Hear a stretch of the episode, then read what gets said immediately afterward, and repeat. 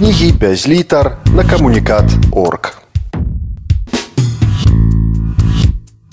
доктар юры грыбоўскі вайсковае душпастарства праваслаўнага веравызнання ў польскім войску ў 1919-39 годах міжваенная польская дзяржава якая адрадзілася ў 1918 годзе уяўляла сабой своеасаблівую нацыянальную і культурніцкую мазайку ейнымі грамадзянамі былі людзі розных э, нацыянальнасцяў розных веравызнанняў безумоўна найбольш колькаснай была група рыма-каталікоў, але другой па ліку э, рэлігійнай групай з'яўляліся праваслаўныя. Колькасць тых, хто належаў да праваслаўнага вервызнання ў даваеннай польскай дзяржаве складала некалькі мільёнаў асоб. Лічыцца, што напярэдадні пачатку другой сусветнай вайны у межах польскай дзяржавы пражывала не менш як 40 э, не, пражывала не менш як 4 мільёны Э, праваслаўных. Э, гэтыя людзі не з'яўляліся эмігрантамі ў сваёй асноўнай колькасці. Гэта было, было аўтахтоннае жыхарства, якое складала такія асобныя нават рэгіёны, дзе колькасна пераважала. Асноўная маса польскіх грамадзян праваслаўнага веравызнання пражывала на тэрыторыі э, усходняй часткі Польшчы э, на тэрыторыі такіх ваяводстваў як віленская, наваградская, палеская ці э, валынская, часткова таксама беластоцкая і люблінская. Э, паводле нацыянальнага складу праваслаўная грамада міжваеннай Польшчы таксама уяўляла сабой пэўную мазайку. Большасць праваслаўных у міжваеннай Польшчы складалі беларусы і украінцы. Менавіта яны пераважалі сярод э, праваслаўных. Але былі таксама прадстаўнікі іншых нацыянальнасцяў, напрыклад, расейцы, э, былі грузіны, пэўная калонія грузінская знаходзілася ў міжваеннай Польшчы, нават балгары і прадстаўнікі іншых нацыянальнасцяў. Нязначную частку складалі таксама палякі праваслаўнага веравызнання. Паводле заканадаўства, паводле тагачаснай канстытуцыі, усе жыхары Польшчы, я маю на увазе мужчыны, якія былі прыгодныя да вайсковай службы, павінны былі несці ваенную павіннасць. У сувязі з гэтым штогод у шэрагі польскага войска заклікалася некалькі десяткаў тысяч праваслаўных. Асноўная іх маса адбывала чынную службу ў шэрагах э, вайсковых фармаванняў, якія належалі да пяхоты, кавалеры, менш было у іншых радах зброі, але яны былі, можна сказаць, прадстаўлены э, паўсюдна у структурах узброеных сіл. Нават, нават у ваенным паветраных сілах альбо ваенна-марскіх сілах. Большасць тых, хто, быў закліканы ў польскае войска безумоўна складалі шэрагоўцы гэта былі навабранцы але былі таксама і афіцеры сярод афіцерскага корпусу тым ліку вышэйшага афіцерскага корпусу таксама мы можемм налічыць пэўную колькасць прадстаўнікоў праваслаўнага веравызнання у польскім войску панавала рэлігійная талеранцыя. У сувязі з гэтым вайсковае камандаванне намагалася забяспечыць сваім вайскоўцам военнослужачым свабодны свабодную магчымасць удзелу у рэлігійных практыках. Іншымі словамі кажучы удзелу ў набажэнствах у адпаведнасці з іх рэлігійнай традыцыі дзеля гэтага быў створаны інстытут вайсковых святароў як мы кажам капеланаў так вайсковыя святары якія адначасова з'яўляліся вайскоўцамі гэта вайсковыя капеланы.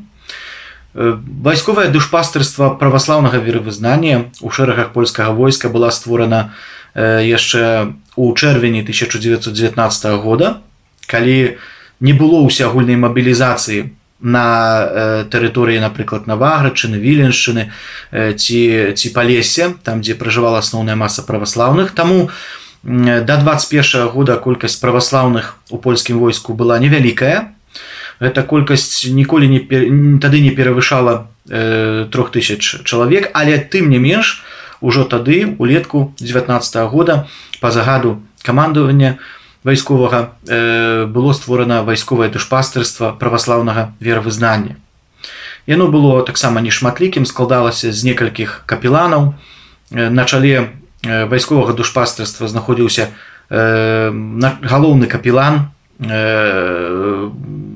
так званы протапрэзбітер які меў годнасць протапрэзбітера усе капеланы мелі вайсковую годнасць яны былі не толькі святарамі яны былі таксама вайскоўцамі былі залічаны ў штат вайсковы менавіта падлягалі вайсковай дысцыпліне і у адпаведнасці неслі таксама адказнасць не толькі перад духоўнымі ўладамі за сваю душпасарскую працу сярод вайскоўцаў, але таксама неслі і адказнасць перад вайсковым камандаваннем. Протапрэзбітер гэта значыць галоўны капелан, звычайна меў вайсковую годнасць падпалкоўніка альбо палкоўніка. Тым часам э, існавалі э, існавалі э, таксама э, капела звычайныя капеланы, э, капеланы благачынныя, якія звычайна адказвалі за душпастарскую працу на тэрыторыю адной вайсковай акругі да якой яны былі прыпісаныя. І гэтыя святары мелі годнасць маёраў. Ім падначальваліся раённыя капеланы якія выконвалі свае абавязкі на тэрыторыі асобных гарнізонаў. Так асобных гарнізонаў якія былі раскватараваныя у розных мясцовасцях.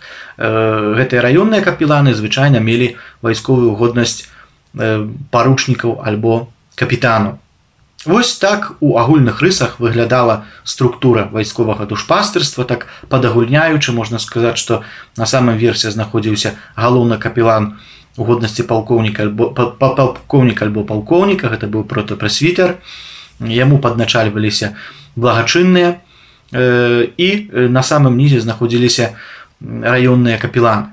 Гэта былі капеланы, якія як я яшчэ раз хочу падкрэсліць, былі знаходзіліся ў штаце у штаце вайсковага камандавання. Але вельмі часта было так, што гэтыя людзі не былі ў стане забяспечыць належную належную апеку духоўную маральна-духоўную апеку вайскоўцам паколькі вайскоўцаў напрыклад было вельмі шмат то такім чынам войска карысталася паслугамі так званых дапаможных капеланаў.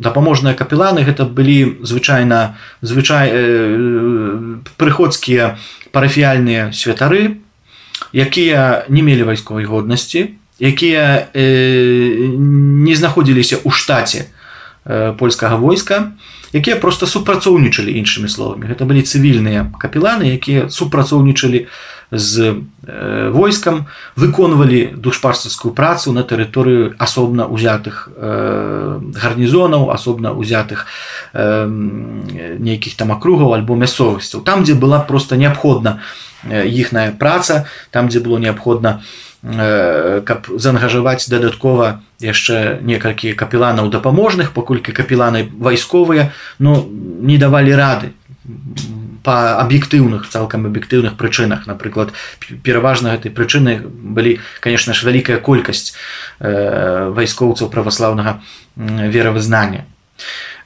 У міжваенны час вайсковым душпастарствам праваслаўнага веравызнання па сутнасці кіравалі толькі два пратапрэзбітары на пачатку гэта быў Васіль мартыш які быў першапачынальнікам у 1919 годзе ён быў прызначаны вось шэфам вайсковага душпастарства праваслаўнага веравызнання ў польскім войску і да пачатку 30-х гадоў выконваў гэту функцыю.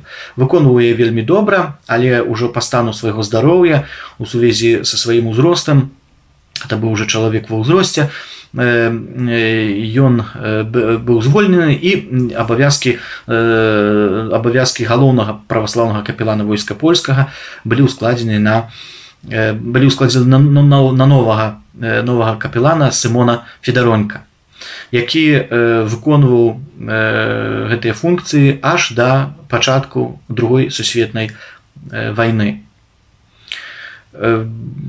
вайсковыя капіланы трэба сказаць што не маглі наракаць на адсутнасць працы. Працы было вельмі багата. Нават до 1921 года калі я сказаў што польскім войску было ўсяго некалькі тысяч асоб жаўнераў праваслаўнага веравызнання то нават тады у перыяд польска-савецкай вайны таксама было вельмі багата працы. Чаму? Таму што перыяд польска-савецкай вайны польскія вайсковыя капіланы мелі абавязак забяспечваць належную духовную апеку не толькі польскім вайскоўцам праваслаўнага веравызнання, але таксама і неслі паслугі свае духоўныя ці выконвалі свае духоўныя паслугі сярод ваеннапалонных чырванармейцаў таксама інтэрнаваных. Нагадаю, што ў перыяд польска-савецкай вайны значная частка расійскіх альбо украінскіх аддзелаў, якія таксама змагаліся поплеч з польскім войскам супраць чырвонай арміі апынулася на тэрыторыі Польшчы ў якасці інтэрнаваных. І вось ім неабходна была таксама духоўная апека і за гэтую духоўную апеку адказвалі менавіта польскія вайсковыя капіланы пазней э, пасля пачынаючы з 1921 года калі э, быў ужо ўведзены ўсягульны э, вайсковы абавязак на тэрыторыі ўсёй польскай дзяржавы у тым ліку на тэрыторыі вось тых рэгіёнаў дзе пераважалі колькасна праваслаўныя то праца яшчэ больш канешне з'явілася ў вайсковых капіланаў яны павінны былі выконваць выконваць свае штодзённыя абавязкі маючы ча вельмі часта маючы шмат шмат вайскоўцаў праваслаўнага веравызнання якія патрабавалі вось гэтай духоўнай душпастырскай апекі. Такім чынам штодзённасць вайсковых капіланаў выглядала так як штодзённасць звычайных святароў. Яны адпраўлялі набажэнствы у нядзелі а таксама у з нагоды святаў вялікіх святаў. Трэба сказаць што асобныя загады вайсковага камандавання рэгулявалі парадак адпраўлення гэтых набажэнстваў і таксама вызначалі тыя святы якія неабходна было неабходна было святкаваць у войску. Это значыць напрыклад на каляды альбо на вялікдзень альбо на сёмуху праваслаўныя вайскоўцы вызваляліся ад сваіх штодзённых абавязкаў дзеля таго каб маглі удзельнічаць у набажэнствах альбо у сябе дома напрыклад у той час атрымоўвалі атрымоўвалі звальненне маглі святочны час бавіць са сваімі роднымі і сваякамі а маглі таксама удзельнічаць у святочных набажэнствах на тэрыторыі свайго гарнізону калі не было магчымасці напрыклад па нейкіх прычынах звальнення дык вось святары адпраўлялі гэтыя набажэнствы штонядзелю і таксама з нагоды розных святаў рэлігійных вялікіх святаў і не толькі акрамя гэтага спавядалі жаўнераў у перыяд вялікага посту перыяд іншых пастоў павялічвалася колькасць тых хто хацеў спавядацца і вось як бы гэты абавязак выконвалі вайсковыя капіланы таму недзе так напярэдадні вяліка дня калі чытаеш рапорты вайсковыя то бачна што напярэдадні вяліка дня была было надзвычай шмат працы. Таму што часамі здаралася так што штодзённа капіланы мусілі выспавядаць не менш як некалькі сот вайскоўцаў. Акрамя гэтага капіланы мелі абавязак удзельнічаць у ва ўрачыстасці прысягі. Польскія вайскоўцы складалі прысягу кожны з іх складаў прысягу прысутнасці свайго вайсковага капілана таго вайсковага капілана які належаў да яго веравызнання так праваслаўныя складалі прысягу вайсковую на адданасць айчыне і войску у прысутнасці свайго святара які як бы пацвярджаў факт прыняцця гэтай гэтай прысягі. Ну і безумоўна да такіх абавязкаў капіланскіх штодзённых мы можам аднесці напрыклад хрэсьбіны альбо удзел у пахаваннях што таксама здаралася. Людзі безумоўна гінулі у тым ліку вайскоўцы мелі месцы нейкія нешчаслівыя выпадкі. Таму таму таких таких таксама урачыстасцях капіланы бралі ўдзел. Акрамя чыста такі такой душпастарскай працы вайсковыя капіланы выконвалі вельмі важныя функцыі выхаваўчыя у войску яны фактычна фармавалі светапогляд адказвалі за духоўны стан маральны стан і этычны падапе сваіх падапечных так тых вайскоўцаў якія падлягалі іх душпастарскай апецы і менавіта з гэтага гледзяшча дзейнасць капіланаў вельмі моцна вельмі так станоўча ацэньвалася вайсковым камандаваннем вядома што камандаванню любога войска залежыць на тым каб настроі сярод жаўнераў былі адпаведныя каб не было нейкай там дэпрэсіі каб каб не не лезлі у галаву як кажуць нейкія брыдкія думкі. Вось каб выхаваць жаўнера у духу адданасці вайсковай прысязе сваёй айчыне тут патрэбны быў актыўны удзел такое заангажаванне не толькі выхаваўчых афіцераў бо такія таксама былі безумоўна але таксама і капіланаў я б сказаў што можа роля капіланаў у такім маральна-этычным выхаванні вайскоўцаў была нават большай. Чаму? Таму што асноўная маса жаўнераў ўсё ж гэта былі сяляне так яны паходзілі сялянскага асяроддзя. Гэта былі людзі якія былі выхаваны згодна з пэўнай традыцыі вельмі кансерватыўныя погляды мелі погляды на свет я маю на увазе моцна вялікую увагу надавалі менавіта рэлігійным аспектам свайго жыцця. І таму канешне яны слухали першую чаргу тое што ім кажа святар капілан хоць вайсковец такі як яны але у сане святара.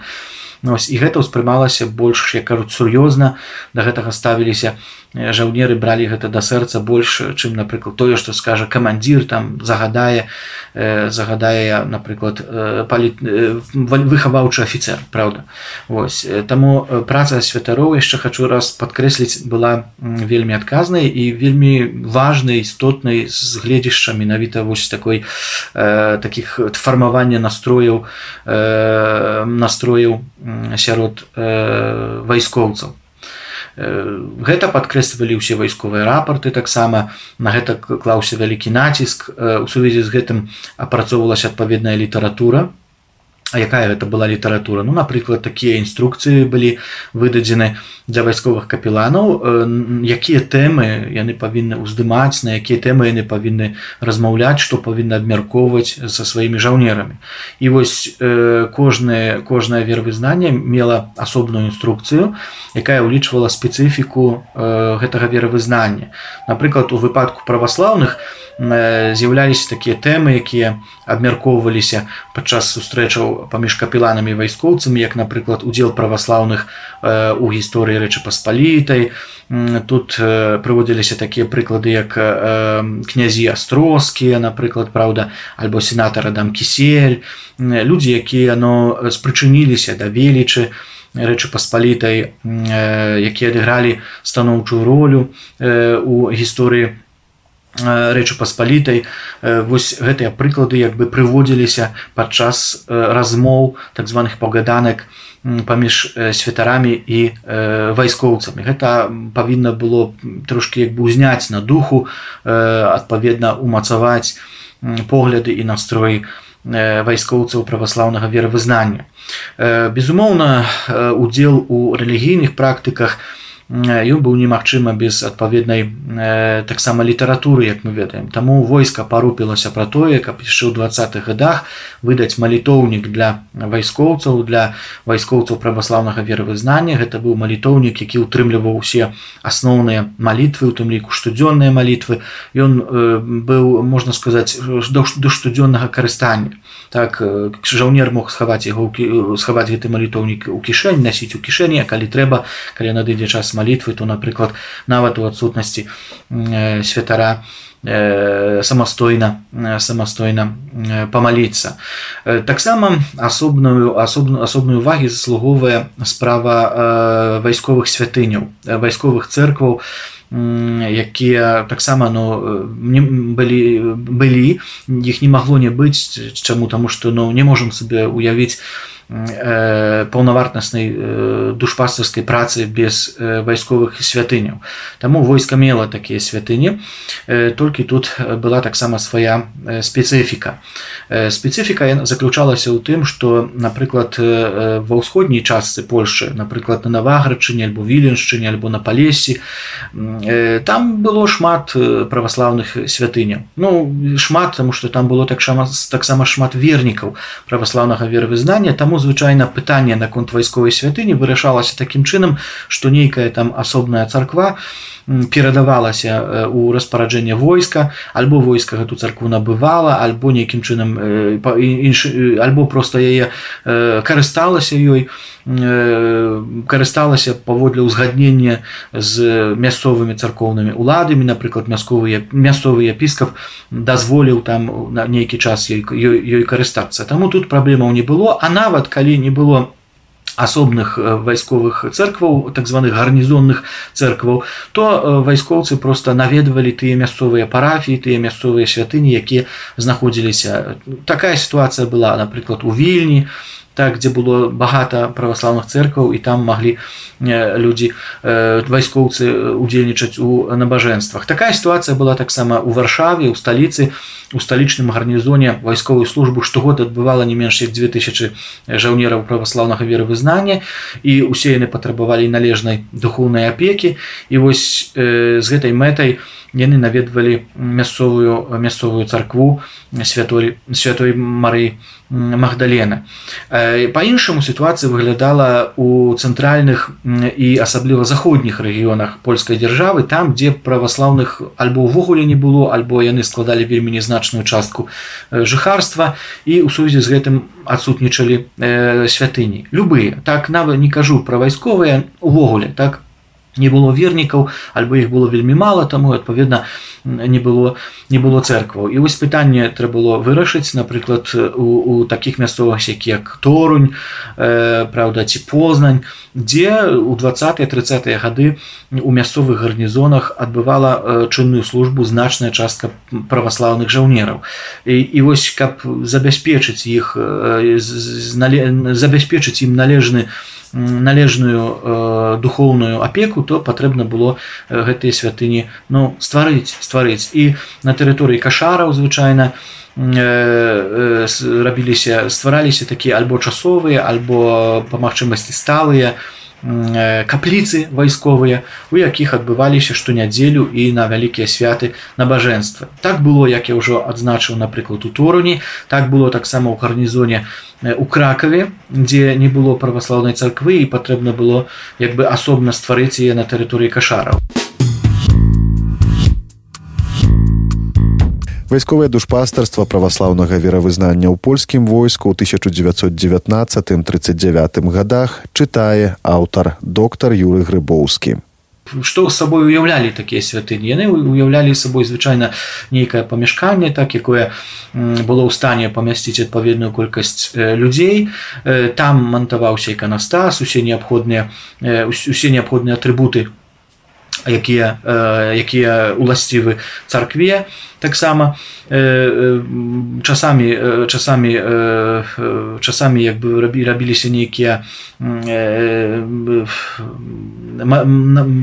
прывозіліся таксама іконы і у ну некаторых выпадках як бы гэтыя святыні гэтыя капліцы гарнізонныя выглядалі выглядалі не горш чым звычайная звычайная местачковая альбо вясковая парафіяльная царква. Ось такім чынам гэта пытанне вырашалася. Трэба сказаць што на пачатку двадцатых гадоў праблема недахопу гарнізонных церкваў стаяла вельмі вельмі востра. Сапраўды гэтых церкваў не было. Іх трэба было стварыць ну гэта вынікала як бы з агульнай сітуацыі так? Не ўрэгуляванне не ўрэгуляванне юрыдычна юрыдычнага статусу праваслаўнай царквы і іх і так далей. Але з цягам часу пытанне вайсковых гарнізонных церкваў ўсё ж было вырашана.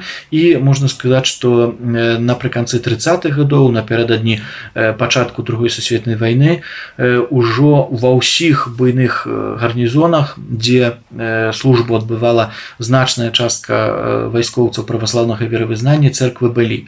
Альбо гэта былі як я ўжо адзначыў такія звычайныя цывільныя парафіі якія просто наведвалі вайскоўцы атрымаўшы згоду царкоўнага мясцовага кіраўніцтва. Альбо гэта былі гарнізонныя церквы сапраўд церквы якія просто перададзены былі ў распараджэнне польскага войска.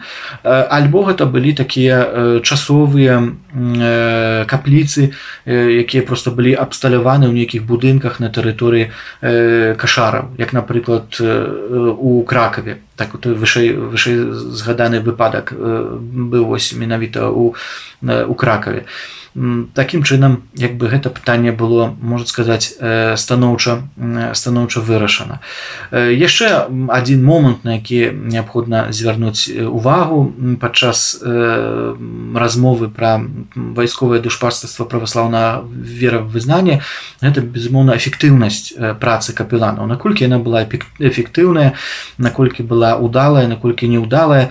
Ну тут трэба сказаць што мне здаецца найлепшым паказчыкам эфектыўнасці гэтай працы з'яўляецца па-першае паводзіны вайскоўцаў у мірны час напрыклад адсотак дэзерцыі сярод іх. А гэты адсотак быў вельмі нізкі. Трэба сказаць што праваслаўныя не адрозніваліся нейкай своеасаблівай колькасцю дэзерцыяў былі даволі дысцыплінаванымі і паслухмянымі жаўнерамі. Ну а другі паказчык які таксама дазваляе нам у пэўным сэнсе ацаніць працу эфектыўнасць капеланаў гэта конечно іх удзел у баявых дзеяннях у перыяд другой сусветнай вайны. Першую чаргу я маю на увазе вераснюўскую кампанію 1939 года. Тады ў польскае войска было заклікана больш як 100 тысяч праваслаўных жыхароў і усе яны прыкладна у Э, выканалі свой э, вайсковы жаўнерскі абавязак нельга сказаць што э, паводзілі сябе кепска. Наадварот сведчаць пра гэта шматлікія выпадкі гераізму шматлікія выпадкі адзначэння высокімі ўзнагародамі гэтых вайскоўцаў. Вайскоўцаў і трэба значыць капеланаў. Але да гэтага пытання яшчэ мы вернемся. Зараз я хацеў бы узняць яшчэ адну адну тэму якая тычыцца гісторыі вайсковага душпастырства праваслаўнага веравызнання у э, міжваенным войску польскім гэта спроба спроба прызначэння вайсковага епіскапа. Рэч у тым што у 1938 годзе быў прыняты закон такі дэкрэт аб стаўленні польскай дзяржавы да польскай аўтакефальнай праваслаўнай царквы і згодна з гэтым дэкрэтам згодна з гэтым дакументам прадугледжвалася пасада вайсковага епіскапа праваслаўнага веравызнання. Гэта значыць што з гэтага моманту не протапрэзбітар у годнасці падпалкоўніка альбо палкоўніка меў стаць на чале вайсковага душпастырства праваслаўнага веравызнання а епіскап епіскап у годнасці у генеральскай годнасці і вяліся перамовы паміж кіраўніцтвам царквы праваслаўнай і з аднаго боку прадстаўнікамі улады дзяржаўнай і таксама прадстаўнікамі вайсковага камандавання наконт таго прызначэння. Але гэта прызначэнне да пачатку вайны так і не было ажыць так не было зроблена. Яно так і не адбылося. Па шэрагу суб'ектыўных і аб'ектыўных аб'ектыўных прычынаў. Так шукалі адпаведнага кандыдата. Трэба сказаць што таксама не ўсіх такая сітуацыя задавальняла каб прызначыць вайсковага епіскапа вялася вельмі гарачая дыскусія на гэты конт. І пытанне гэта так і не было вырашана да пачатку другой сусветнай вайны. Праваслаўныя дачакаліся э, свайго вайсковага епіскапа толькі ў гады э, другой сусветнай вайны. У 43 годзе калі польскія аддзелы змагаліся на захадзе на заходніх фронтах другой сусветнай вайны то там менавіта было была такая створана пасада Э, вайсковага праваслаўнага епіскапа і тым праваслаўным епіскапам стаў сава саветаў епіскап гарадзенскі і наваградскі напярэдадні вайны у 39 годзе ён быў епіскапам наваградскім і гарадзенскім і наваградскім сядзіба яго месцілася у гародні. Вось таму гэта гэта таксама на гэта таксама варта варта звярнуць увагу.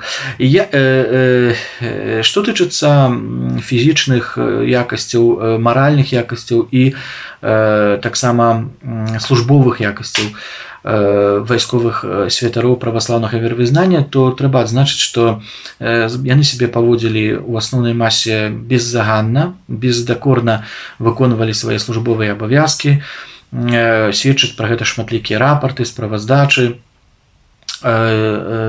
загады вайсковага камандавання большасць капеланаў спраўлялася са сваімі абавязкамі рабілі гэта добра рабілі гэта з веданнем і кажуць справы не было скаргаў. Калі ўзнікалі канешне ж розныя канфлікты ўзнікалі розныя сітуацыі розныя непаразуменні паміж капеланамі альбо таксама паміж камандаваннем і капеланамі. Гэта былі такія прыватныя моманты. Прычыны былі вельмі рознымі прычыны былі разнастайнымі. Вельмі часта прычынай былі складаныя між між канфесійныя адносіны у міжваенны час таму гэта ўсё існавала безумоўна. Але гэта ўсё не мае ўплыву на агульную вельмі станоўчую ацэнку капеланаў іх дзейнасці душпастарскай і маральнай душпастарскай і выхаваўчай працы сярод вайскоўцаў. Трэба сказаць што у тридцатые гады у вайсковае камандаванне таксама ускладала на на капеланаў яшчэ адзін абавязак. Абавязак менавіта звязаны з асіміляцыйнай дзейнасцю у 30 гады вельмі ўзмацнілася палітыка дзяржавы у дачыненні да нацменшасцяў Ну і ў дачыненні да прадстаўнікоў таксама рэлігійных веравызнанняў.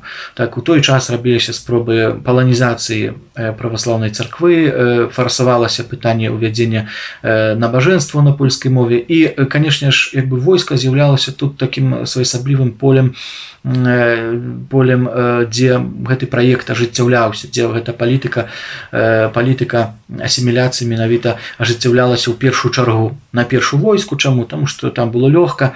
Капеланы падпарадковваліся не толькі загадам свайго рэлігійнага кіраўніцтва на царкоўнага кіраўніцтва але таксама выконвалі загады вайсковыя падлягалі вайсковай дысцыпліне. І як бы гэта стварала добрую магчымасць для таго каб разгарнуць тую асіміляцыю асіміляцыйную працу менавіта менавіта войску. Усе капеланы падкрэслівалі свой прыхільны сваё прыхільнае стаўленне да, да гэтай працы выконвалі гэтыя загады хоць можа э, хоць можа не заўсёды гэта было адпаведна з іх поглядамі з іх сумленнем. Мы ведаем пра тое што гэта палітыка асіміляцыйная яна праводзілася прымусова гвалтам такімі адміністрацыйнымі методамі што конечно ж не магло не выклікаць нейкага абурэння пратэсту нават унутранага такога пратэсту таму стаўленне было рознае э, такое асабістае стаўленне але э, гэта не азначала што капеланы ухіляліся ад гэтых абавязкаў яны іх просто э, паслухмяна э, выконвалі як э, святары але першую чаргу як э, як вайскоўцы. Э, ну і вось мы дайшлі до таго моманту калі можна прасачыць э, далейшы лёс э, праваслаўных капеланаў польскага войска. Э, пасля 1939 года як мы ведаем у 39 годзе распачалася другая сусветная вайна. Лёс гэтых капеланаў склаўся по-рознаму ёсць э, прыклады таго як ён скла ёсць прыклады удзелу капеланаў у вераснёўскай кампаніі 39 года. Трэба сказаць што напярэдадні пачатку вайны у польска войска былі заклі закліканы не толькі прафесійныя капеланы але таксама і дапаможныя капеланы і яны вось у верасні 39 -го года поплеч са сваімі жаўнерамі бралі ўдзел у вераснёўскай вераснёўскай кампаніі Пасля пасля таго як гэта кампанія скончылася многія капеланы падзялілі лёс польскай дзяржавы. Некаторыя з іх апынуліся ў нямецкім палоне іншыя апынуліся ў савецкім палоне. Тыя хто апынуўся нямецкім палоне яны перажылі гэту вайну. Раней ці пазней былі вызвалены з лагеров военнапалонных і вярнуліся да хаты. Пасля другой сусветнай вайны працягвалі сваю душпарстацкую працу ўжо не ў войску толькі толькі як бы як цывільныя капеланы. А вось тыя капеланы якія трапілі ў савецкі палон іх лёс на жаль склаўся вельмі трагічна. Яны загінулі былі расстраляны між іншым у у катыні і папоўнілі шэрагі шэрагі ахвяр катынскага злачынства. Як я адзначыў пасля вайны пасля другой сусветнай вайны у польскім войску ўжо у камуністычны час так не, было створана вайсковае душпастарства таму святары ты якія перажылі вайну яны ну, выконвалі свае святарскія абавязкі ўжо сярод цывільнага цывільнага жыхарства. Але трэба сказаць што вайсковае душпастарства існавала ў гады другой сусветнай вайны вайсковае душпастарства праваслаўнага веравызнання было створана на захадзе там дзе таксама апынулася некалькі тысяч жаўнераў праваслаўнага веравызнання там таксама дзейнічалі святары капеланы вось сярод іх быў між іншым епіскап сава саветаў так які выконваў функцыі галоўнага капелана і адначасова лічыўся пачынаючы 43 года вайсковым праваслаўным епіскапам. Пасля заканчэння другой сусветнай вайны у камуністыч камуністы у камуністычнай польшчы не дазволілі стварыць асобнага душпастарства для праваслаўных жаўнераў нягледзячы на тое што такія жаўнеры былі безумоўна адбывалі вайсковую службу але як бы камуністычнае кіраўніцтва не бачыла патрэбы стварэння такой такой структуры што ў тагачасных як бы палітычных абставінах было даволі відавочным. Праваслаўнае душпастарства вайсковая адрадзілася ўжо на пачатку 90-х гадоў калі ў 94 годзе быў створаны праваслаўны ардынарыят польскага войска які па сённяшні дзень займаецца апекай духоўнай маральнай апекай над вайскоўцамі польскімі праваслаўнага вервызнання і ён працягвае традыцыі таго вось душпастарства якое існавала да э, другой сусветнай э, войны вайсковае душпастарства праваслаўнага веравызнання ў польскім войску ў 1919-39 годах чытаў аўтар доктар юры грыбоўскі. Кнігі без літар на камунікат орг